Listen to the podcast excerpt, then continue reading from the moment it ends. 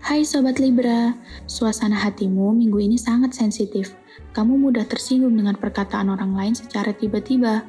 Waduh, kalau lagi bete, jangan dilampiasin ke orang lain. Kasian kan teman-temanmu jadi ngerasa gimana gitu. Kamu perlu merelaksasikan dirimu biar nggak terlalu tegang. Pesanku sih dikit aja, jangan melakukan sesuatu dengan emosi. Itu hanya akan membuatmu merasa semakin terbebani. Kamu hanya perlu santai dalam menjalani hari. Percintaan untuk Libra Lovebird. Jangan merasa iri dengan kisah cinta orang lain.